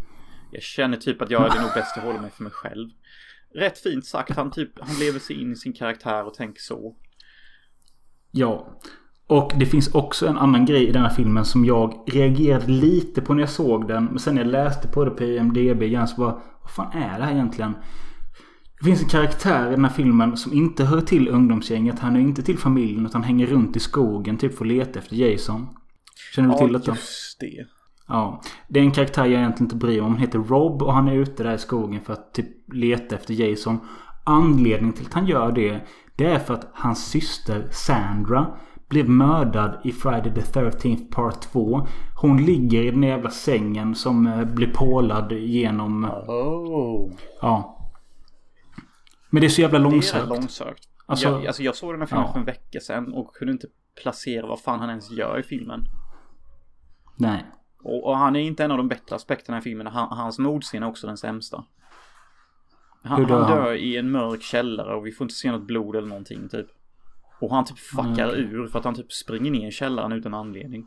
Och jag bara, men fan gå och dö då. Nej, jag, jag bara... Det är någonting jag aldrig tänkt på Inte jag heller. Men ja, Mm. det, det är fredagen fucking part 4. Har du inte sett någon fredag den 13? Varför inte bara börja med den?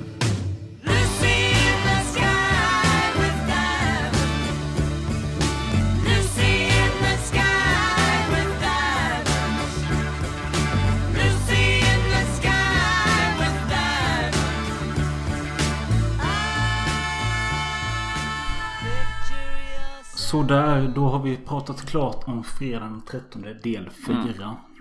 Eh, och som vi sa i början av podden så vill Jonas eh, öppna sitt hjärta kring sin film. Yes. Det vill jag, som jag sa innan, jag tycker det är jättevackert att Möller sa att det är, det är han och jag och vi ska göra movie och, och vi ska göra något battery-liknande. Men som sagt, jag har skrivit ett 60-siders manus som heter Bite the Bullet. Och det är Är, är, den, är den titeln Den är official? official tills någon kommer på en bättre titel. Vem som helst har chans att vinna vem, vilken titel min film får. Jag tänkte också Belly of the Beast kunde vara passande. För det, det handlar om två agenter, två kvinnor. De är lesbianer och de är kära i varandra. De får ett uppdrag att mörda fyra personer under en photosession. De mördar dem så brutalt fucking hårt med maskingevär och magnumpistoler att hela distriktet där de mördar folk stängs ner. Polisen och alla är ute efter dem. Så de tvingar sig själva att gömma i en lägenhet där de måste gömma sig tills de kan bli hämtade av sin organisation. Och det är typ det filmen handlar om. Det är som en blandning av Leon möter Contempt av Jean-Luc Godard. Det låter intressant. Om en... Alltså jag försökte hänga med nu. Jag tycker det lät lite invecklat. Men Men det är egentligen inte så invecklat. De, de gör ett mord och de gör så mycket hype kring mordet för att de mördar de här människorna så brutalt att det skapar så mycket Tänk dig att du spelar GTA och du mördar en gäng människor och bara shit nu har jag fem stjärnor efter mig. Jag måste gömma mig. Det är typ det som händer. Det är inte så jättekomplicerat. Ja, eh, och jag, jag säger inte att eh, invecklat behöver vara dåligt. Nej, absolut inte. Nej. Eh, och eh, har du kommit fram till eh, vad karaktären ska heta? Inte redigt. Jag vet bara att en ska heta Anastasia för att hon är antagligen rysk eller polsk. Den andra ska antingen heta Senko eller Solange för att hon är fransk. Och den Solange är 17 år och Anastasia är 27. Och detta är också lite för att spela på Lolita-viben fast de är lesbianer. Och jag alltid tyckt det var spännande att ha en 17-åring som mördar för att det bjuder in mycket naivitet. Och också är det rätt sjukt att ha en 17-åring som mördar folk och går igång på det. Vilket också spelar en stor del Mm. i filmen. Hon mördar folk och hon går igång på det som fan. Alltså när hon ser blod, she gets wet. Och liksom... Nu, nu, nu när du säger så här så får jag ju bild framför mig av... Jag vet att du älskar den. Jag tycker det är skit. Men filmen Base Moi. Base Moi äger. Fucking tung film. Kom 2000. Base Moi betyder fuck me eller knulla mig. Gjord på typ 4000 kronor. Och det är typ två kvinnor som är lesbiska som också bara åker runt och skjuter ihjäl människor. Spelar som riktiga porrstjärnor så de knullade Ja, de blir våldtagna i början och sen så tar de bara hem på hela samhället och typ var tionde minut så skjuter de ihjäl några nya människor. Risig, eh, risig Rape Revenge på franska. Gjord på DV Ja, alltså det är fett bra. Men alltså det är en- definitivt inte en film för alla. Ja, Nej, men skitsamma. Jag, jag tror definitivt att eh, Bite the Bullet är en bättre film. Har du förresten tagit titeln Bite the Bullet från Jacques Renault i, eh, i eh, Twin Peaks? eh, no, jag vet inte ens vad du pratar om. Jag vet vem karaktären är Men- Twin Peaks är men... Nej, men jag, han kanske inte heter Chuck. Jo, alltså nej. Jean Renault heter den. Det finns ett, ett jättefetto i Twin Peaks som heter Renault. Han jobbar Ja, på han den här baren där Jacques Coopers Renault, vilket är ett franskt namn. Ja. Och där, där, där, det jag alltid tänker på när jag tänker på honom. Det är när de kör en sån här close-up av hans mun. När han pratar om vad Laras, när vad han sa till Lara. Då sa han Bite the bullet baby. Bite the bullet. Det, jag, jag minns den scenen men jag minns inte att han sa så. Bite the bullet är ett uttryck för att man antagligen ska döda någon eller man kommer dö. Eller att man ska genomgå någonting som är mycket lidande för en. Men du måste bara göra det. Det är lite vad Boomer skulle säga, men klipp dig och skaffa ett jobb och bara härda. Bite the bullet liksom. Ja, alltså jag förstår att uh, Twin Peaks inte skapade uttrycket. Men jag tänkte om du kanske hade fått Nej, det. så jag tänkte bara det passar för det är en del skjutande och, och det är mycket lidande typ. Och det låter coolt och fräscht typ. Ja, absolut. Och jag kan säga att när du sa att The Serpent in the Mind's Eye lät som en bok och var för långt. Det kan jag hålla med om. Sen så låter det lite för mycket som en fantasyfilm. Exakt, exakt. Och detta är mer hardcore funny spy movie with sci-fi elements och romance. Alltså denna filmen är en hyperfantasi. Ingenting ska tas som att detta kunde hända i verkligheten.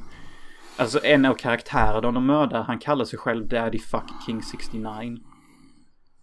Och jag tänkte att han skulle spelas av Allan. Alltså, the man, the myth, the legend.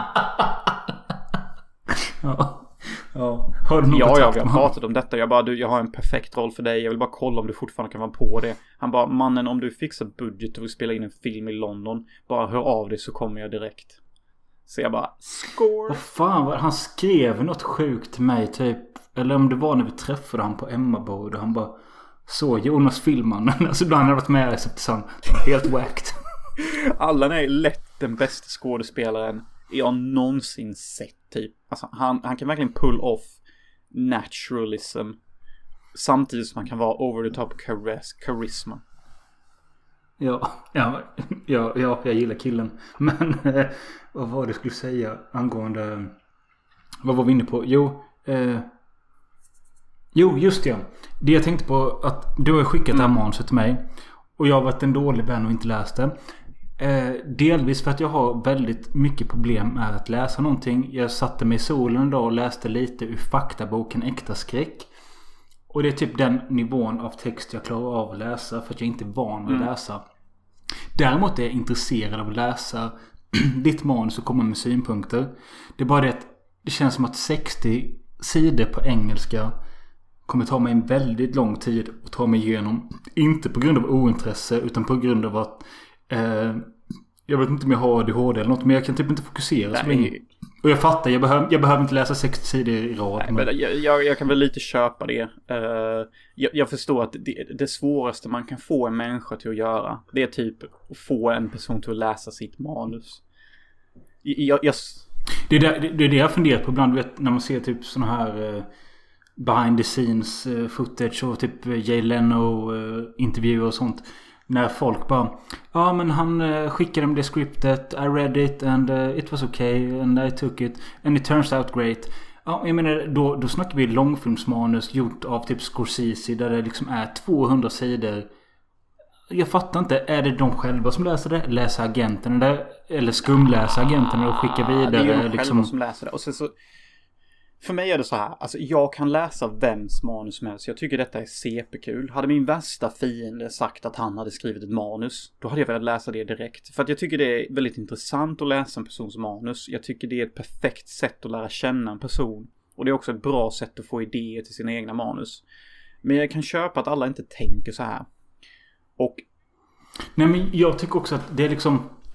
Eh, Okej vi säger nu att detta är ditt... Eh, detta kanske inte är ditt first draft men detta är liksom typ så här. Typ så här kommer det Mm. jo, bli. det är det definitivt. Strukturen och nästan alla Ja. scener kommer vara så här. Namn och vissa dialoger kommer ändras typ.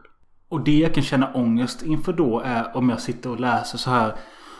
Och så ska jag börja så ska jag gå in då i mitt filmhuvud och tänka bara. Men om du sätter den scenen där istället och ändrar på det där. Och alltså jag, jag menar jag kanske blir för engagerad själv i mitt egna huvud så att jag liksom bara. Nej men ta Anastasia istället. Att hon går till den klubben och eh, skjuter henne istället så blir det mer Men det, det är effektivt. ju sånt jag älskar. Alltså, det, det, är exakt det här jag vill ha. Alltså, Lucy, som är en av de åtta personerna jag skickade manus till, min ryska kamrat. For communism. Hon... Hon hade så många jävla åsikter om detta. Förvånansvärt. Det första hon sa var att det här var faktiskt ett rätt kul manus. Dialogen är bra. Öppningsscenen är riktigt stark. Man blir sjukt och det är ganska exciting hela vägen igenom. Och du har en riktigt jävla bra story som har bra potential. Du sa att du hade ljudklipp från henne. Det hon dock sa, vilket var hennes kritik, vilket jag inte ens hade tänkt på, men jag visste typ att folk kunde reagera så här, det är detta. Så vi spelar upp hennes första röstmeddelande vad hon sa. I understand what you mean by saying like, oh, I want it to be for everyone and not just lesbians. Um, but right now, this film doesn't feel like it's for everyone. It feels like it's specifically catered to straight men who like to get off on two girls, two hot girls kissing. You know what I mean?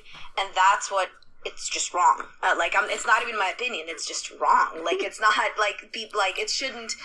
The world does not deserve those films. The world, the world doesn't need those films. But that, that's why they're becoming so.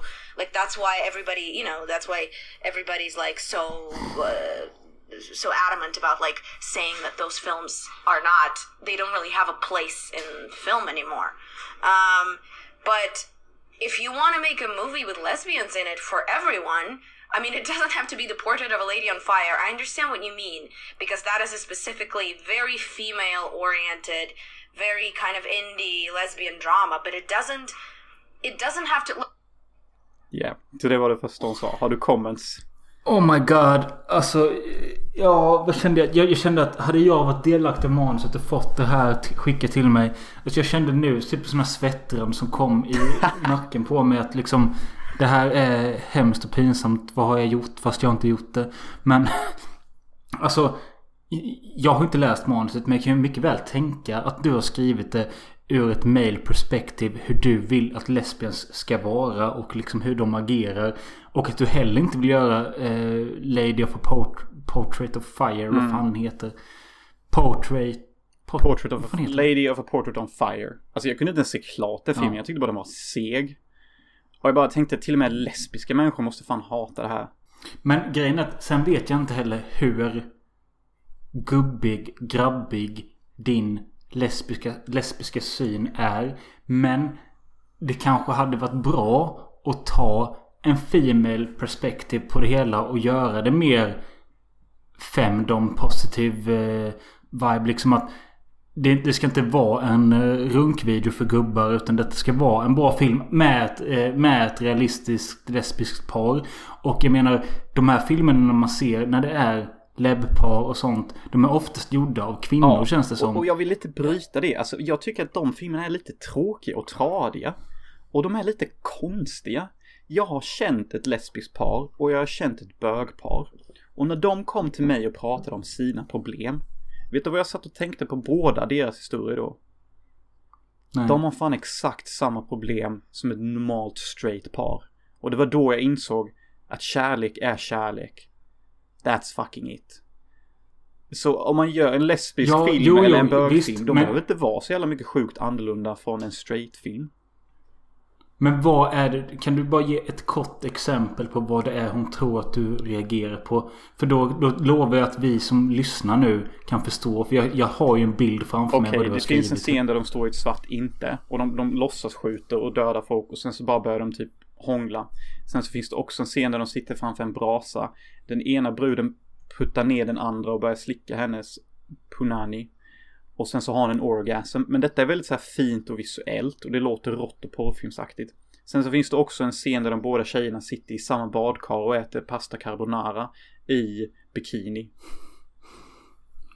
Jag tycker inte detta Exakt, låter jag, jag, faktiskt. alltså, exakt. Jag var, jag var lite chockad att hon ens reagerade så här för att jag tänkte när jag skrev detta att okej, jag vill inte att detta ska bli en male gaze gubbfilm. Så jag försökte hålla allt så vackert och fint som möjligt samtidigt som det ändå är lite uns av en lesbisk fantasi alla male gaze.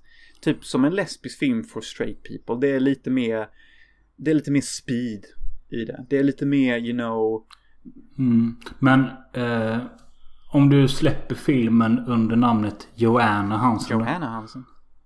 Nej, Säg att du är en Fuck tjej. shit. Det, Jag skojar. Ja, jag detta är fan ingen. Ghostwriter-film. Men alltså jag, jag tycker typ... eh, det, det...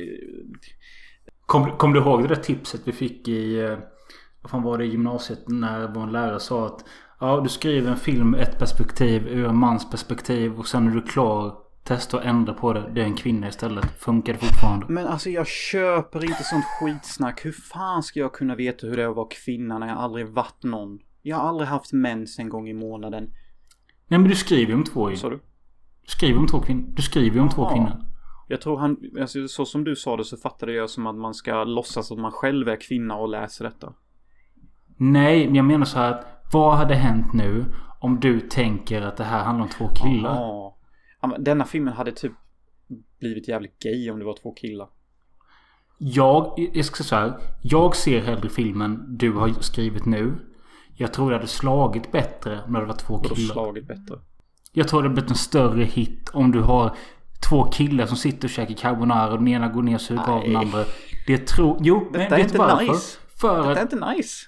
Jag vill inte se detta, Nej, bro. men- Filmer som Call Me By Your Name och sån skit som har blivit sån jävla hit på senaste år. Alltså... Jag säger bara det. Hade du bara sagt så här bara okej, jag är Jonas Hansen. Eh, jag supportar HBTQ och det här är min första gay porn. Nej, inte gay porn. Gay spy movie. en thriller. Ja, med två killar i, som heter Anastasius och eh, Selm... Selmius. Sellus. Alltså, Alltså jag säger bara, jag tror att den hade fått mycket mer hype. För att det hade känts som att här har vi en kille som vill supporta gayvärlden och liksom Men sen förstår jag att det, det kommer ta det emot, tar för emot dig för att att jag vill inte scenen. se två killar kyssas. Jag, det är inte filmen jag vill bli känd för. Jag vill skapa min fantasi och se mitt ögongodis. Förresten, om jag skräddarsyr ett avsnitt med tre bögfilmer. Är du med? Yes, but like my enthusiasm will be kind of so so. Jag har redan sett Men- eh, din morsa också, eller vad fan den heter. Ja, de gay där? eh, jag tror det, fast jag kanske sa fel film. Alltså Lucy som skrev det här, hon är typ besatt av bögfilmer och sånt. Så hon har ganska bra insyn i detta. Hon har fått mig att se en massa jävla bögfilmer. Ja, men det, det jag vill säga är att hade det inte varit en kul kontrast för Manbear Pig-podden att se tre bögfilmer och säga Alltså visst, det kan ju också sluta med att Jo, det, det här är väl rätt bra men det hade varit bättre om det hade varit läbbfilm Mm, jo, alltså jag är på. Jag är på. Men- Visst, jag är öppen. Mm. Ehm, Mm. Sen sa hon också detta. Jag charmerade henne Mm. lite. Vi kan ju bara lyssna på hur det låter när jag har charmerat en girl. Um, well, first of all, Nej, paus, paus, paus. Jag, jag, jag hör, vad sa du? Vad jag sa?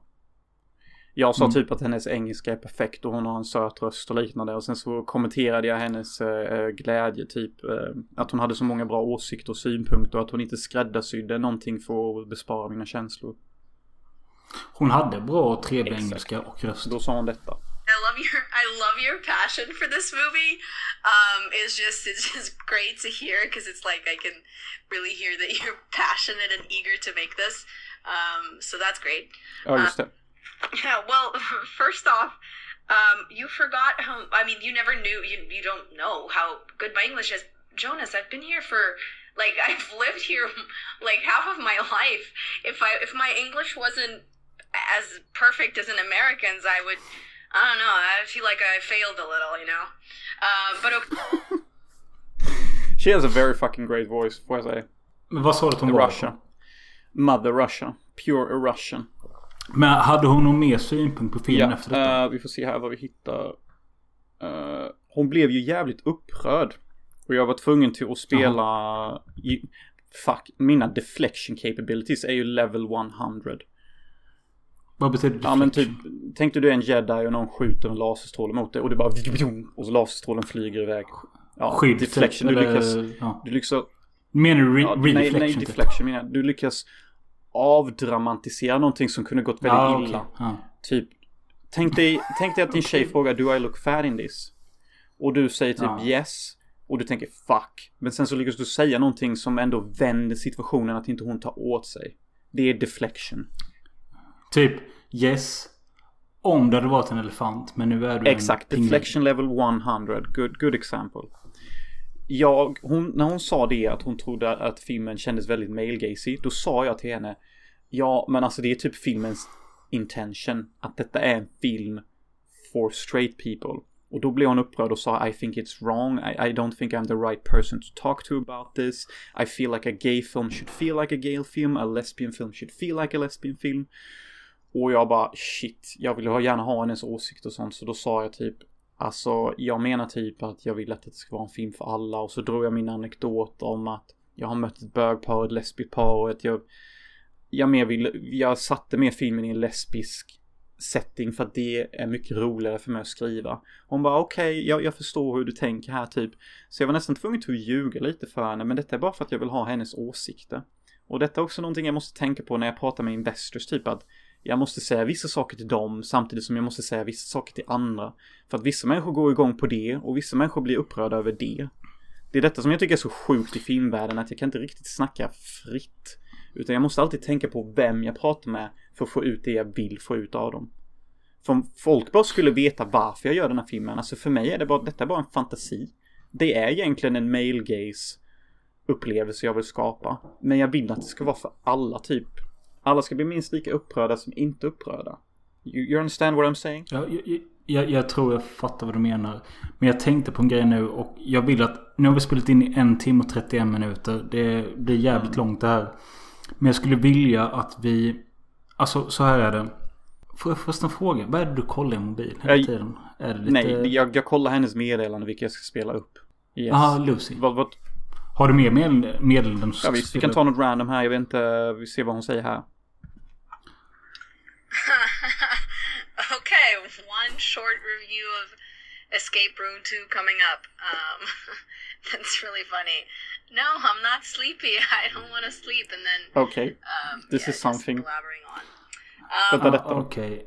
but You're trying to don't hook you up. like have to go to work tomorrow or anything? Yes, we're trying to hook up. But she's in fucking America and I'm fucking in London. Men du, lyssna nu.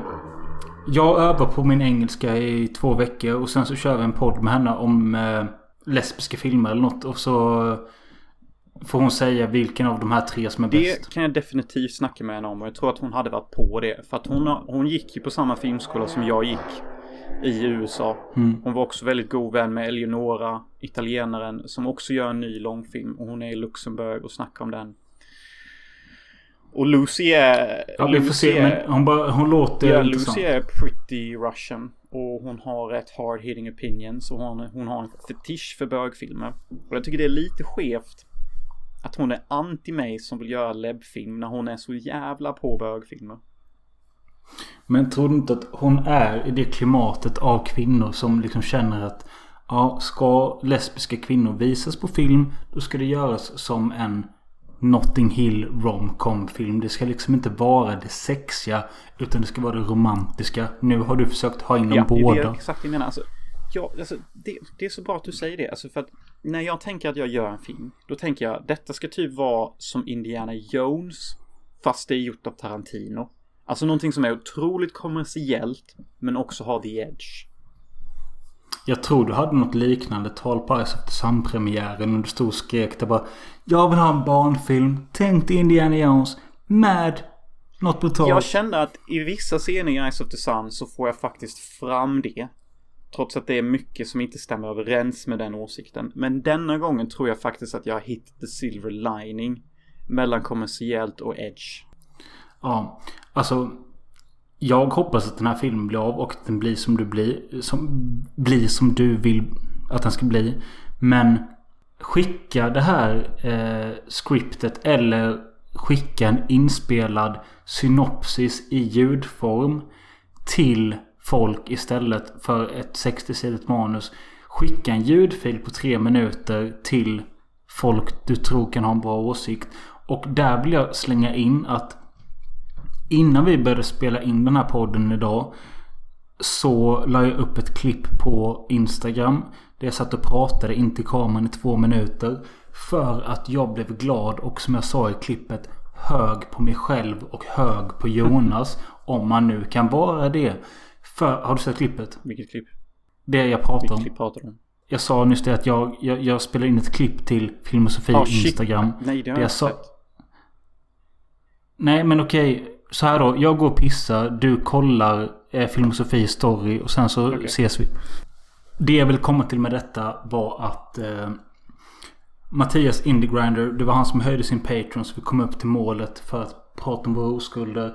Nu när han kommenterade den här lilla kommentaren. Vi har fått liknande kommentarer tidigare i livet men just idag så kändes det extra att han skrev att ni gör alltid bra avsnitt men det här var det bästa på länge.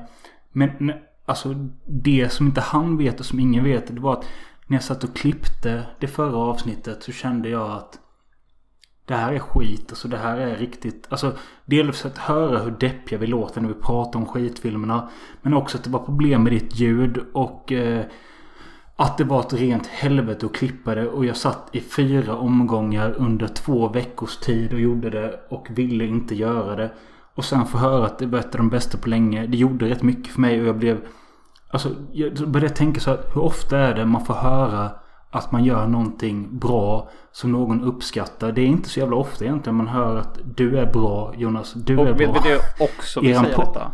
Som man Ja. får man ju fan aldrig höra någonting man gör är bra. Ja, Så precis. jag, jag uppskattar detta som fan Indie Grinder. eh, eftersom vi ändå kände oss jävligt låga när vi gjorde avsnittet. Jag hade typ dödsångest deluxe och de här jävla filmerna hjälpte inte att jag såg. Nej. Men just det att jag blev verkligen genuint glad Mm. av hans kommentarer. För då kände jag att... ehm, och att han la den både på vår Instagram och han la den också i gruppen Filmpoddar på Facebook. Antagligen för att få upp oss lite. Att någon annan kan läsa kommentaren bara Okej detta kanske är en bra podd. Eh, för att alltså det hade ju uppskattats att växa som podd. Men Alltså jag kan säga så här. Jag är jättetacksam för de följare och lyssnare vi har. För de är så jävla, de är så jävla trogna det, är de. det älskar jag mest fan. Och vi säger, vi, vi vill ta och slänga ut oss en sån här stor podd som Filip och Fredrik och sånt. Eller Alex och Sigge. De har jättemycket trogna följare. Men det finns ju ingen form av personlig connection. Vilket man inte kan ha när du är en jättestor podd eller person. Det är därför jag älskar vår podd på det sättet. Vi kan inter- interagera med våra lyssnare. Och det är där jag vill komma till nu. Sket Nej, du? det är jävla mycket trafik ute. Det, det är aldrig tyst i London. Ja, okej. Nej, det...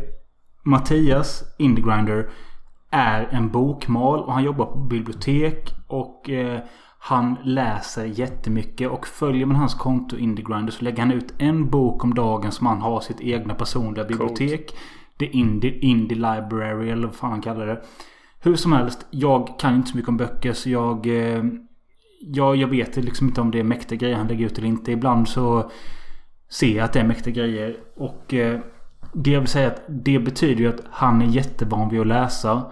Och han har också ett konto på Letterboxd. Jag tror han följer dig. Du kanske följer honom. Han heter Indiegrinder där med. Han kanske ska läsa Det manus. det är faktiskt en bra idé. Om Indiegrinder lyssnar på detta avsnittet, vilket antagligen kommer göra då. Eh, skriv till mig personligen om du vill läsa manuset så kan du också få en kopia helt klart. Och jag uppskattar alla åsikter. För alltså, jag kommer till den punkten i manuset där jag jättegärna välkomnar alla åsikter. Skitbra som skitdåliga åsikter. För Jag vet, jag vet att han, han älskar Apocalypse Now. Men han älskade också Sommarens 12 De två filmerna månader. är asbra. Och, och, jag, och så här är det, jag tar inget personligt som någon säger om min film. Jag ser mina filmer som mitt barn. Men jag reagerar inte med känslor om någon säger att manuset är kast. Jag vill gärna höra det för att allt jag bryr mig om är att den här filmen ska bli så bra som möjligt. Och i slutändan så kommer jag ändå bestämma vad jag tycker är bäst. Och jag skiter i om någon säger att den här scenen är dålig. För vet jag inom mig att den här scenen är jättebra kommer jag behålla det ändå. Ja, jag förstår vad du säger. Och alltså, som jag säger, jag vill läsa manuset. Men det känns också som att när jag trycker upp ditt manus i ett dokument så kommer jag också trycka upp ett till manus ett annat. Eller jag kommer trycka upp ett Word-dokument jämte. Och så kommer jag liksom sitta och läsa och så skriver jag bara Do this instead. Motherfucker. det, det är ju sånt Do jag vill ha. Alltså, och det, det är ju sånt du ska göra för då kommer du bli nämnd i eftertexterna. Alltså, do you wanna become a legend or do you wanna become a wanker? Jag vet att jag blir, jag blir nämnd i eftertexterna till Eyes of the Sun. Men alltså, ju, vet du vad jag... För, alltså jag tänker så här ofta att... Själarna har jag sett om ett par gånger sedan vi gjorde den. Okej, det är inte så konstigt. Det är 2014 vi gjorde den. Det är sex år sedan. Eyes of the Sun har jag inte sett om. Men det är för att det är sån ångestfylld jävla klump att trycka play på den. För att jag får bara en flashback till hur det var på eh, premiären. För mig är det en klump i magen som inte är trevlig. Ah, du tänker så. För mig är det också lite klump i magen. Men jag, jag, jag tänker också att men du hånglade ju ändå med den typ tajtaste bruden i världen på den festen. Så det är inte så mycket klump ändå om du ska vara helt ärlig. Nej, jo, så kan man också se det. Eh, och eh, säg ändå, du fick ändå liksom 40 personer som kom och tittade på din film. Det är rätt mäktigt. Du hyrde en lokal, du gjorde allting du kunde. Men typ. nästa gång jag har premiär och sånt. I won't fucking drink so much scotch. Alltså fattar du? Det var ju det var du, jag Alex. Vi fuckade ur dig. Jag vet. Men jag gillar typ inte att prata om detta för detta ger mig också typ en klump i magen. Och det är inte bra regissörsbeteende. Men You can always make a new movie. You can always move on. You can always do better. Ja, det är sant. Men jag känner att vi måste avrunda den här podden innan vi passerar två timmars strecket. Absolut. Absolut. Låt oss eh, bara avsluta med eh, lite sköna ord från eh, Lucy the American. Jag menar the Russian. Okej, vad Vi har tar hon det att säga? sista voice med de skickade till mig så jag har ingen aning vad det är. Okej. Die! okay, one short review of Escape Room 2 coming up. Um, that's really funny. Nej, men detta spelar no, upp I'm innan. not sleepy. I don't want to sleep, and then, um, yeah, just blabbering on. Um, well, I guess good night, cause, cause yeah. Okay, this is just like me, thirty seconds of me laughing. Amazing. Jag fattar inte. Alltså vadå? Hon kollar på Escape Room 2 och... Vad är det hon skrattar åt i Ingen 30 aning. sekunder? Hon är väl eh, lustfylld eller något annat. Jag vet inte fan egentligen. Alltså jag fattar inte varför hon skrattade så jävla mycket. Var det på grund av den här Lucy du fick eh, suget att kolla på Escape Room Ja, 1? det var hon som rekommenderade den. Vi har ofta dialog om vilka filmer jag ska se och många av filmerna jag väljer att se på grund av att hon rekommenderar dem. Så är det Ja, gays. ibland är det gays men ibland är det också Escape Room 1. Var Jag såg bara... bara 40 minuter sen så avbröt mitt ex mig med någon jävla eh, mongo-grej typ. Hur går det med henne? Nej, det tar för lång tid. Alltså börjar jag prata om mitt ex då har vi en timme till. Jag vet. Nej men alltså grejen är att jag skulle kunna sitta och köta längre men vi får fan räcka, Det får räcka för idag. Eh, och så Ha, har du någon god låt avsluta Ja men kanske med tanke på hur du snackade om hur jävla bra du mådde av Indie Grinders kommentar. Varför inte bara avsluta med just idag mår jag bra, just idag mår jag stark av Kenta. Underbart. Den eh, kör vi. Eh, någon gång. Ja, nej det kan jag ta off-podd men. Nej men alltså någon gång behöver be, behöver nog komma i kontakt med Mods-trilogin här på Mm, podden. men om vi gör det då får du fan ta och se Last Jedi. För det är inte en chans i helvetet att jag ser om Moss-trilogin om inte du kan sätta dig och se Last Jedi en jävla gång. Ja okej jag skojar. Lite fucking eh, ge och ta för Ja, jag vet. Du kommer med dina sjuka filmer hela tiden. Och jag vill ta Last Jedi i typ tre år. Ja men då kommer mina sjuka filmer. Du säger så bara. Ja men styr du lite. Säg tre filmer så kan jag se dem. Ja men nu har jag, jag, jag har sagt Last Jedi i typ tre år. Ja okej. Någon gång innan detta året är slut blir det Last Exakt. Jedi. Exakt. Och tills dess får ni må bra och eh, tagga nästa avsnitt av Filmosofi Podcast. Som ni ska dela, Mm. ni ska gilla oss och ni ska gå in på patreon.com slash filmosofi. Alltså inte filmosofi, filmosofi podcast utan bara slash filmosofi. Och så donerar man en dollar eller mer och så får man tillgång till ännu mer material från oss. Det är filmade grejer, det är ljudgrejer, det är allt möjligt. Tänk på detta. Om inom fem dagar efter detta avsnitt släpps vi får fem nya subscribers så kommer ni få se Mölles ölkagge i profil. Och den är... Eh, ja, det är... Ja, det är liksom... Du vet, det spreds ju bilder på typ Saddam Husseins eh, lik har jag för mig. Och ja, det är något i den. Ett Ja, stort ja. jävla ägg helt enkelt. Eh, hej då Jonas. Hej då Mölsk. Jag älskar dig. Jag älskar dig med. Bögpodd slut. Just idag är jag stark Just idag mår jag bra Jag förs framåt av kraftiga vindar. Just idag är jag stark Just idag mår jag bra. Jag har tron på mig själv på min sida. Jag har väntat så länge på just den här dagen Och det är skönt att den äntligen kommer. Väntat så länge på just den här dagen Den ger lust när den kommer Jag ser måsarnas flykt. Jag ser solglittrets dans. Jag ser framåt mot härliga tider. Jag ser kvinnornas steg Jag ser ögonens glans. Jag tror på mig själv på min sida. Jag har väntat så länge på just denna dag. Och det är skönt att den äntligen kommer.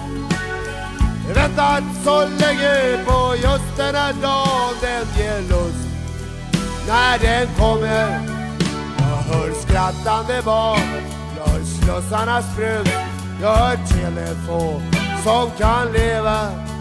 Jag hör inre musik Jag hör vindarnas sus. Jag har tro på mig själv På min sida.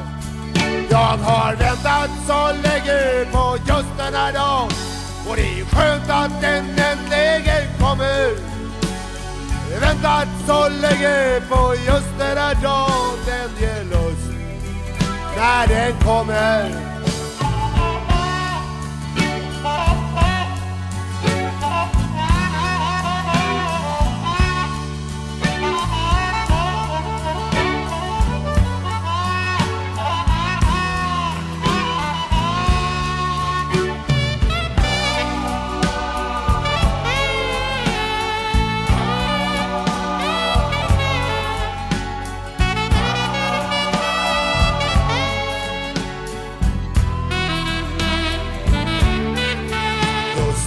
Idag är jag stark, just idag mår jag bra.